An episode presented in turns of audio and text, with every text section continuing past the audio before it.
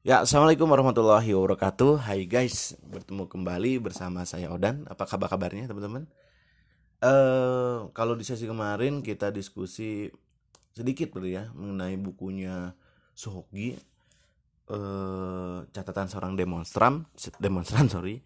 Sekarang kita akan diskusi mengenai buku lain. Tadinya akan diskusi mengenai yang Sohoki saya lagi, tapi sepertinya kita selalu dengan yang lain. Ada sebuah buku yang menarik bukunya bukunya Iprosidi eh, dulu saya membacanya tahun pertama membaca tahun 2000 berapa ya? 2013 atau 2014an lah. Eh, hidup tanpa ijazah yang terekam dalam kenangan. Buku yang lumayan cukup tebal. Tebalnya 1300 halaman lebih Eh, ada fungsi lain selain buku bisa menjadikan ini sebuah bantal begitu ya. Nah kali ini saya tidak ditemani atau saya tidak sendiri saya ditemani oleh seseorang eh, jam rekam ini jam rekam ini jam setengah tujuh pagi ya karena masih masih pagi ya. Jadi kalau dinantiin takut ah podcast ini takut nggak jadi atau lupa dan gimana mumpung ingat mumpung masih kosong sebenarnya nggak ini juga ada padat juga ada hari ini.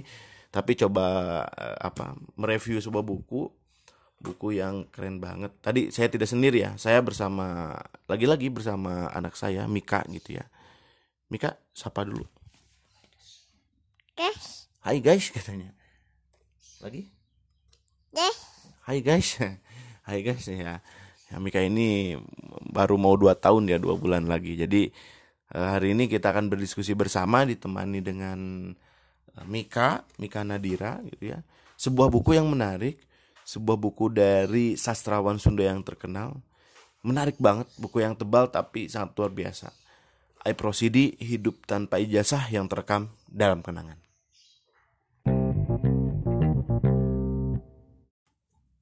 Ya, eh, kembali lagi teman-teman. Kenapa misalkan kalau ada pertanyaan kenapa buku ini yang direview? Karena tebalnya atau karena apanya? Ya pertama itu bisa jadi karena buku ini tebal gitu ya. Eh, dan yang kedua emang buku ini menarik gitu. Kalau teman-teman belum baca ya belum tahu. Mohon maaf ada suara background anak nangis ya ini. Anak saya lagi pegang boneka. Nah, eh dulu pas baca buku ini pertamanya lihat sebenarnya. Lihat buku ini di salah satu rak teman saya. Waktu salah satu teman saya teman diskusi sebenarnya. Dulu ada komunitas cakrawala kok namanya itu itu berdiskusi bedah buku satu minggu satu buku gitu ya. Satu minggu satu buku jadi kita punya target pokoknya satu minggu satu buku dan antara kita sudah baca dan direview dibagikan pada teman-teman. Dan itu bergilir per minggunya. Waktu itu namanya rekan saya itu Teddy Suma gitu ya sekarang beliau adalah salah satu aktivis di sekolah alam dulu. Kenapa deh dan beliau juga seorang aktivis di Wanadri dan sekarang beliau berkegiatan di eh, apa ya, di Salman ITB ya. Bentar dulu ya teman-teman kita pause dulu sebentar. Ya mohon maaf teman-teman tadi eh, ada ini anak saya biasa. Eh, tidak akan saya potong episode tapi berlanjut biar mengalir tadi kembali ke awal buku ini saya kenal dari sahabat saya tadi Suma sahabat di komunitas Cakrawala salah satu komunitas yang membedah buku di setiap minggunya. Sekarang beliau di Bandung sudah lama ketemu karena pindah dari tahun 2014an gitu ya. 2014 2015 4 sampai 5 tahun gitu. Sempat beberapa kali bertemu untuk diskusi hal diskusinya pasti menarik diskusi tentang banyak hal gitu ya. Eh, kembali lagi ke buku ini pertamanya sih sebelum membuka bacaan halaman pertama buku ini saya pinjam gitu bacanya ya nggak belum. Karena nyari buku ini susah banget gitu. Harganya itu kalau nggak subsidi 300.000 ribu pada saat itu gitu ya harganya. Kalau sekarang mungkin nggak tahu berapa tapi waktu itu ini subsidi buku ini bu- buku subsidi teman-teman. Buku setebal 1300 sekian halaman ini buku subsidi harganya saya beli 95.000 sangat murah sangat sangat murah sekali dengan dengan fisik yang begitu tebal apalagi isi yang sangat berbobot dan dalam gitu ya dari seorang Iprosidi gitu ya. Teman-teman kalau yang belum tahu Iprosidi itu siapa teman-teman bisa ketik di browsing di internet Aji Prosidi gitu ya. Eh, siapa beliau gitu ini orang hebat betul hebat. Eh kembali lagi ke yang tadi pertama kali sebelum bacanya ya lihatnya juga udah serem sebetulnya ya bukunya tebal apakah kalau baca pertama eh, bisa selesai atau enggak? Kadang saya tipikal orang yang kalau misalkan baca buku nggak sampai selesai itu asa gimana gitu mencari menemukan titik ininya. Tapi ternyata buku ini begitu asik gitu teman-teman saya bisa membacanya sekitar sekitar apa ya kurang dari dua minggu 10 hari semingguan mungkin ya. Waktu itu semingguan karena emang waktu itu kan masih sendiri belum nikah ya masih belum belum ada TV gitu ya. Dulu dokter masih dokter saya mondok di kantor jadi temennya buku gitu. Setiap malam pada isya saya baca buku. Nah buku ini karena saking asiknya gitu baca buku ini buku setebal ini nggak kerasa itu semingguan bacanya itu bisa selesai uh, dengan sela-sela waktu tentunya itu isya dan sampai mau tidur gitu ya membacanya. Nah buku ini menarik teman-teman. Buku yang sangat luar biasa. Jadi sebenarnya ini buku autobiografi ya autobiografi dari iProcd uh, menarik karena ada hubungannya dengan buku yang pertama yang saya baca. Hubungannya apa? Sedikit sih nggak banyak sebetulnya ya teman-teman uh, di pembukaannya di kata pengantarnya ditulis oleh Arif Budiman. Seperti apa yang saya sebutkan di review sebelumnya siapa itu Arif Budiman? Arif Budiman adalah kakak dari Suhoki eh, atau nama awalnya Suhokjin gitu. Anak dari Suhopit.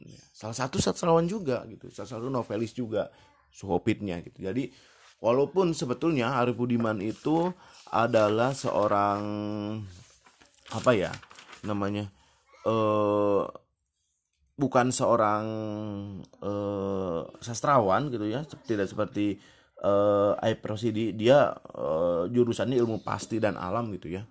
Tapi ada turunan dari ayahnya gitu. Jadi dia pun memberikan sebuah sambutan di, di buku ini di buku tebal ini tentang judulnya sih tentang ijazah dan keberhasilan. Walaupun di sini disampaikan oleh Arif Budiman bahwa uh, orang boleh mengira katanya uh, buku ini adalah keberhasilan dari menunjukkan keberhasilan dari Eprosidi walaupun tidak terbantahkan walaupun sah-sah saja sih menyebutkan ini keberhasilan atau itu bukan bukan palsu tapi benar-benar nyata gitu. Nah, bagaimana sih orang Budiman bisa nulis di sini dan orang-orang hebat bisa ada di dalam buku ini? sebenarnya ada yang lebih hebat dalam buku ini pada dasarnya I itu sebenarnya nggak lulus SMP SMP pun tidak lulus teman-teman beliau uh, eh, SMP berhenti dan belajar otodidak. Tapi menariknya dia pernah menjadi seorang guru besar di Jepang mengajarkan sastra bahasa Indonesia. Ada sebuah kata-kata yang disampaikan oleh Prosidi mengenai uh, apa ya kejadian ini gitu ya. Kata dia ada uh, saya bingung katanya. Kenapa kok nasib saya sangat aneh katanya. Dia bisa menjadi dosen sebuah universitas di Jepang padahal di negerinya sendiri di Indonesia dia belum pernah menjadi mahasiswa sekalipun di belajar di universitas gitu. Menarik bukan? Bagaimana uh, kok bisa sih seorang yang lulus SMP bisa menjadi sebuah guru besar? Bahkan karyanya pun karya tulisannya ada sekitar 160 lebih gitu ya. Dan yang dibukukan udah 110 lebih sangat luar biasa gitu ya. Mungkin bertambah ya mungkin bertambah di luar pengetahuan saya. Kenapa seperti itu ya eh, mari kita diskusikan. Ya hidup tanpa ijazah yang terekam dalam kenangan. Buku terbitan dari Pustaka Jaya setebal 1330 halaman cetakan Januari 2008 itu yang saya baca. Saya beli ini sebetulnya tahun 2000 berapa ya. Dan nemunya pun nggak ada nih di toko-toko buku itu. Saya nemunya di itu di salah satu sahabat saya di Watedi itu Watedi waktu dia pindah ke Bandung beliau nggak ngasih kabar.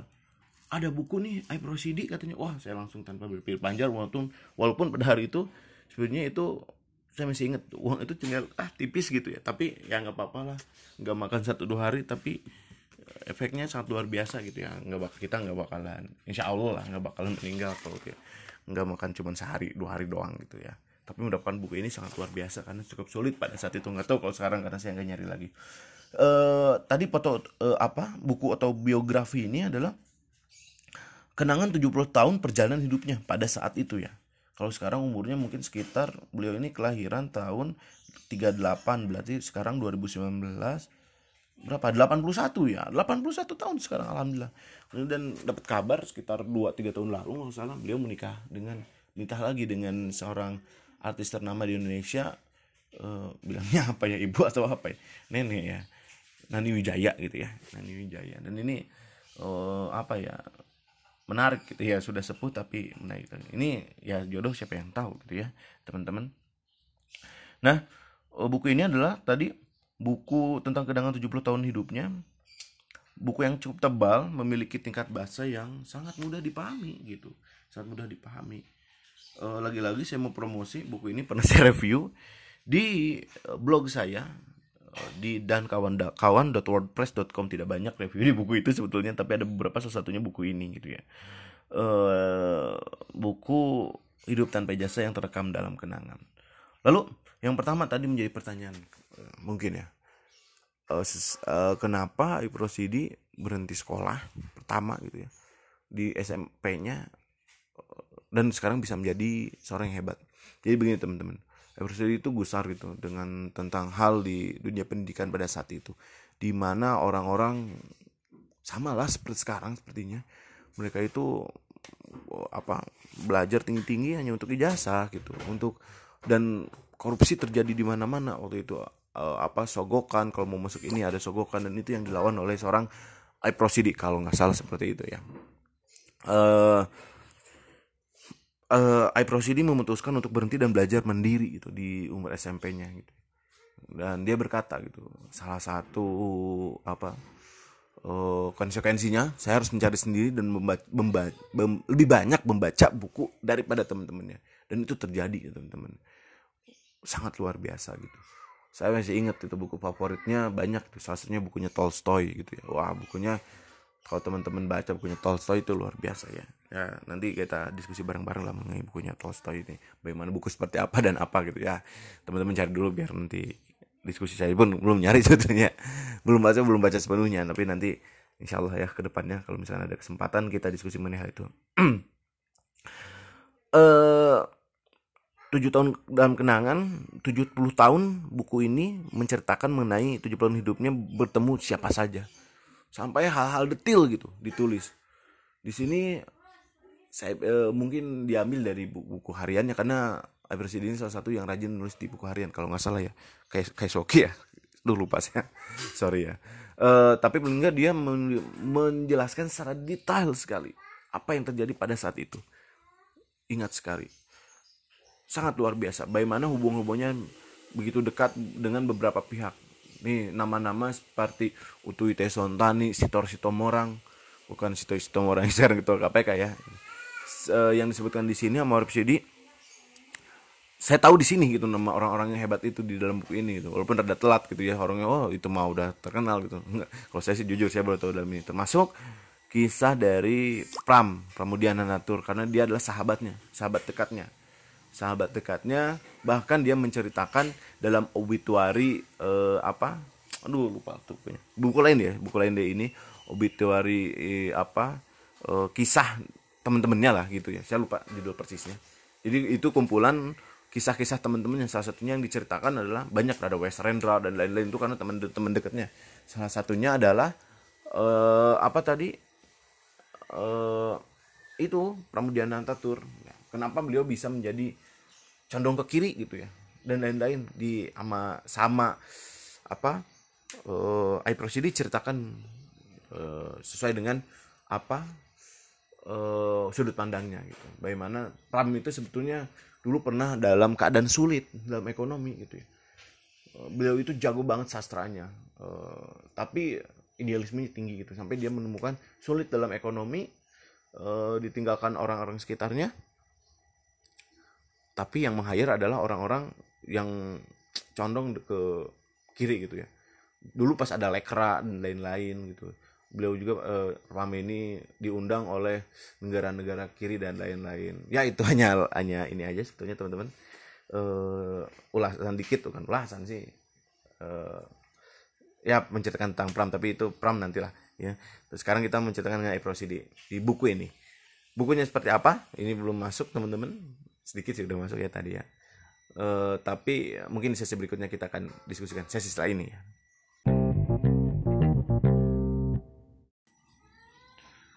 ya kita lanjutkan teman-teman. Di buku ini uh, diceritakan mengenai banyak hal gitu ya. Tadi uh, apa sudah saya sebutkan bahwa namanya uh, apa Eprosidi itu kenal dengan beberapa di, di buku ini gitu. Diceritakan bahwa dia dekat dengan beberapa orang orang-orang yang cukup terkenal dalam kesastrawanan Indonesia gitu ya uh, mungkin namanya selalu disandingkan dengan beberapa sastrawan terkenal kelas di Indonesia. Taufik Ismail, Wes Rendra, Sultan Al Takdir Syahbana karena karya-karya dari Rosidi sangat luar biasa gitu ya. Beliau bahkan tadi yang menjadi ininya apa hidup tanpa ijazah. Judulnya hidup tanpa ijazah. Bahwa dia, dia menunjukkan bahwa dengan hidup tanpa ijazah pun dia bisa berhasil. Saya setuju dengan ini. Karena bagi saya pun sekolah itu nggak wajib gitu. Yang wajib itu mencari ilmu gitu. Yang ilmu bisa nggak bisa didapat uh, uh, di sekolah gitu. Sampai saya dulu pernah memiliki pemikiran yang cukup kayak orang lain katakan ekstrim ya untuk membakar ijazah sendiri. Kenapa? Karena miris gitu ya. Ini teman-teman banyak orang kuliah hanya untuk sekedar ijazah gitu. Untuk apa gitu? Katanya untuk ijazah untuk cari kerja. Untuk cari kerja nggak usah nggak usah sekolah lah. Untuk cari untuk mencari uang hanya untuk memenuhi kebutuhan perut itu nggak usah inilah. Nggak usah sekolah. Kita bisa lah teman-teman tapi ada yang harus lebih dari itu gitu. Teman-teman lakukan untuk yang teman-teman kuliah gitu teman-teman muda teman kuliah dan lain-lain. Ada yang harus dilakukan ya uh, dengan ilmu teman-teman. Bukannya sekedar jasa terlalu remeh itu hal itu gitu. Tapi adalah bermanfaat untuk yang lain teman-teman. Ilmu teman-teman harus harus bermanfaat dan lain-lain. Bukan urusan sekedar urusan perut itu terlalu remeh gitu. Bisa dilakukan oleh orang-orang lain. Jadi dan kadang juga di sekolah kita justru terkungkung. Bukan apa ya saya bukan berarti mengenyahkan sekolah tapi oh, kita bisa eksplor lebih luas gitu. Oh, hal-hal yang mungkin kita bisa pelajari sendiri. Ya, walaupun ini akan panjang urusannya kalau kita ber, berdiskusi dengan uh, tentang hal ini gitu ya. Nah, ini hanya ini saja mengenai Eprosidi hidup tanpa ijazah bahwa uh, beliau menunjukkan intinya gini gitu sekolah itu nggak wajib tadi. Yang wajib itu cari ilmu. Dan Eprosidi men, apa membuktikan hal itu. Dia mencari ilmu mencari hal-hal yang dia suka sukain mengenai kesastrawa kesas ah, banget sih itu uh, kesastrawanan uh, dari hasil sendiri gitu ya. Padahal menarik dari hidupnya ini. Dia itu suka banget cinta banget kepada buku terhadap sastra gitu ya sampai dulu pada apa Eprosi di muda itu pernah menjadi sebuah penjaga stand buku gitu ya. Penjaga stand buku dia dan dia bertemu banyak orang bertemu banyak orang orang-orang hebat dan lain-lain sampai uh, tulisannya ke mana-mana gitu ya. Saya buka nih uh, salah satu review saya ya promo juga ya walaupun sebenarnya ini pasti yang bacanya sedikit kalau saya lihat yang mengunjungi ya emang sedikit juga sih ya. Nggak apa-apa lah ini ini ilmu bisa dibuka lagi gitu biar untuk untuk walaupun untuk pribadi gitu ya. Kita baca men, e, menempuh pendidikan terakhir di taman siswa tahun 56 dan status tidak tamat justru membuat tokoh ini semakin melejit dalam dunia sastra. Berawal ketika ujian nasional nah ini ujian nasional pada saat 56 yang dikabarkan sering mengalami kocoran soal banyak orang pada itu menyogok guru sekolah atau yang memperoleh soal ujian sebelum waktu ujian tiba dari hal itulah idealisme kuat Eprosidi muncul. Dia memilih untuk tidak mengikuti ujian sekolah menengah. Baginya hidup tidak harus digantungkan pada secari kertas bernama ijazah yang memupuk seseorang menjadi mental pekerja. Nah banyak kan karena ijazah minta pekerja gitu.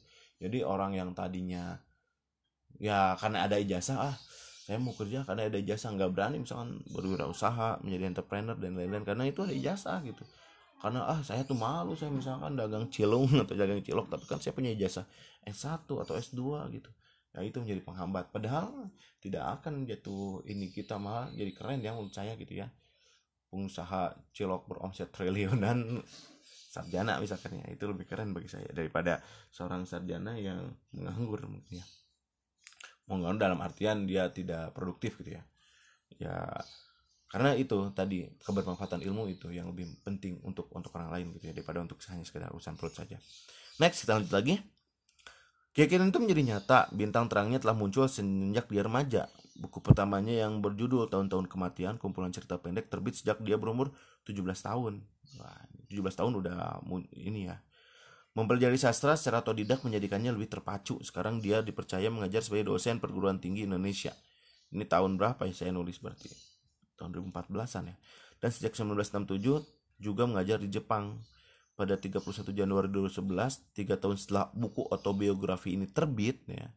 Berarti terbitnya 2008, cukup telat juga saya bacanya. Ia menerima gelar doktor honoris causa bidang ilmu budaya dan Fakultas Sastra Unpad katanya.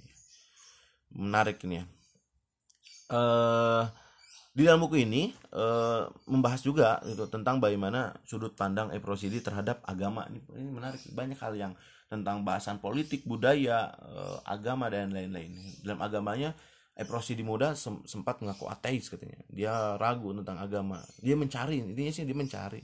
Sampai dia melakukan sebagai pencarian untuk menghilangkan rasa hausnya terhadap agama.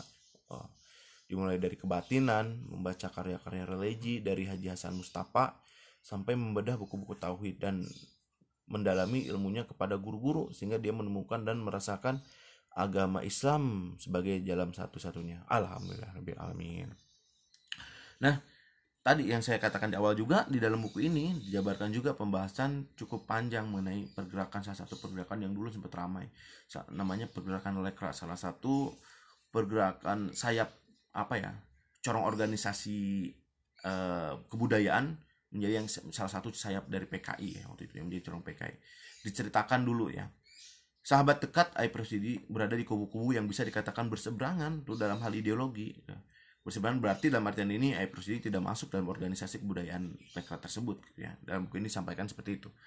Yang ada di kubu sana yakni sahabat-sahabatnya Sitor Situmorang Pramudia Nantatur Utui Tesontani gitu dan lain-lain dan dari kubu sebelahnya lawannya ya berarti salah satu satu kubu dengan Eprosidi ada Taufik Ismail, Umar Ismail, Habe Yasin dan lain-lain ya. Suasana panas gitu ya sampai ada banyak istilah gitu ya banyak istilah di sini yang uh, saling apa ya saling sindir karena itu politis juga ya pada waktu itu ya. Ya coba baca sedikit lagi nih di apa di review buku saya pada itu. Kedua kelompok tentu saja menyebut diri Pancasilais ya, gitulah sama-sama menyebut diri Pancasila sejati dan revolusioner. Kedekatan dengan Bung Karno juga diperbutkan. Kaum kiri menyebut dirinya pendukung setia Bung Karno dan menuduh kaum kanan anti Bung Karno.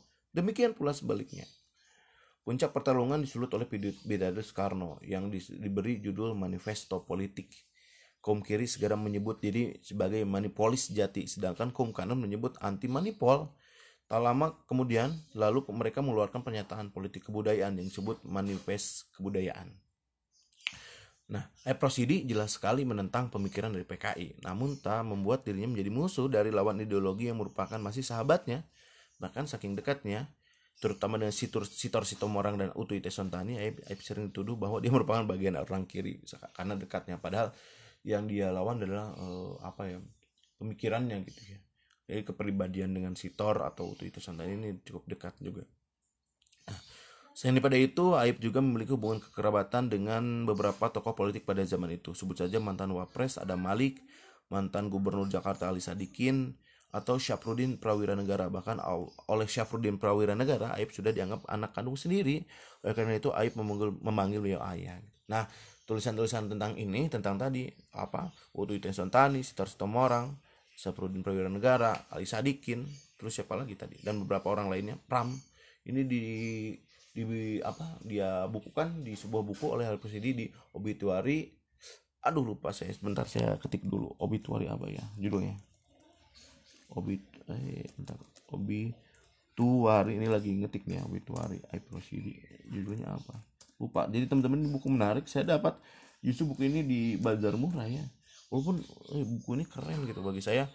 Nah mengenang hidup orang lain ya menginung mengenang hidup orang lain sejumlah obituari dari Eprosidi ini nih bukunya menarik teman-teman bisa baca mengenai apa ya yang tidak apa ya yang tidak mungkin teman-teman tidak dengar di ini. Eprosidi menuliskannya di di buku ini.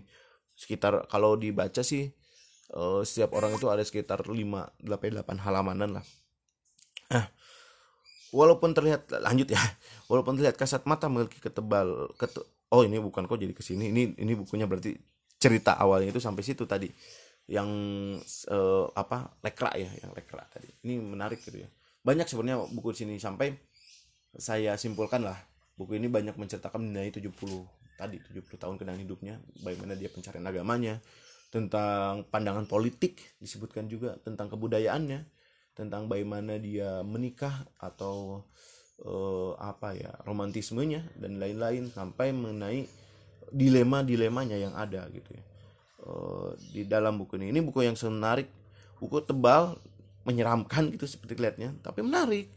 Saya sangat merekomendasikan bagi teman-teman untuk membaca buku ini. Kalau teman-teman mau baca mau pinjam boleh gitu ya. Tapi jangan dibawa pulang kadang buku-buku yang dibawa pulang nggak balik lagi banyak banget buku-buku yang teman-teman saya ini tapi balik lagi ditagi ada aja alasannya. Ya boleh teman-teman baca karena susah teman-teman bukan yang nggak mau menjamkan susah lagi cari buku ini gitu ya. Bukunya keren banget sayang banget kalau nggak didiskusin nggak dipelajari gitu. Mengenai sosok sastrawan Sunda ini uh, hidup tanpa jasa yang terekam dalam kenangan uh, sosok yang sangat luar yang luar biasa bagi saya buku seorang sastrawan keren.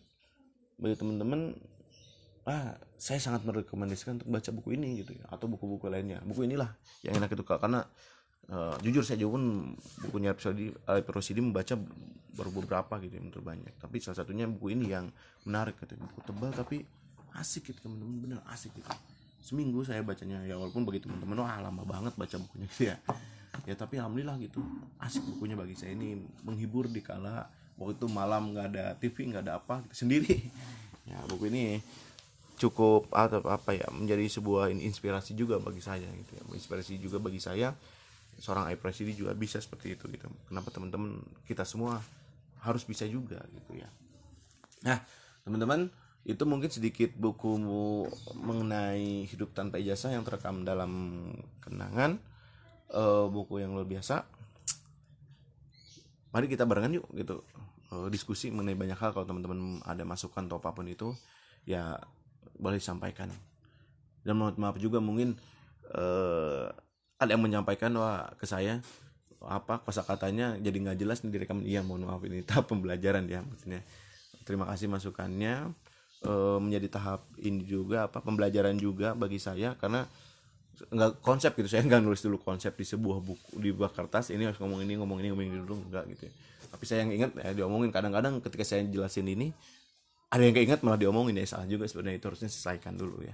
Tapi terima kasih banyak bagi teman-teman uh, sekali lagi bagi teman-teman yang mau diskusi langsung juga boleh silahkan datang ke Bogor ya Japri aja untuk alamatnya.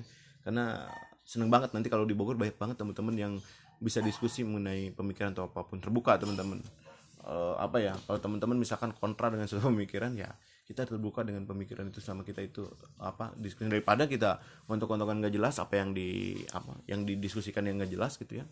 Kalau jelas gitu kalaupun harus kontokan berbeda ideologi ya wis gitu. Kita mempunyai ini yang jelas gitu apa alasan yang jelas. Tapi kadang-kadang kita nggak punya alasan yang jelas untuk kontokan itu kan jadi konyol juga teman-teman.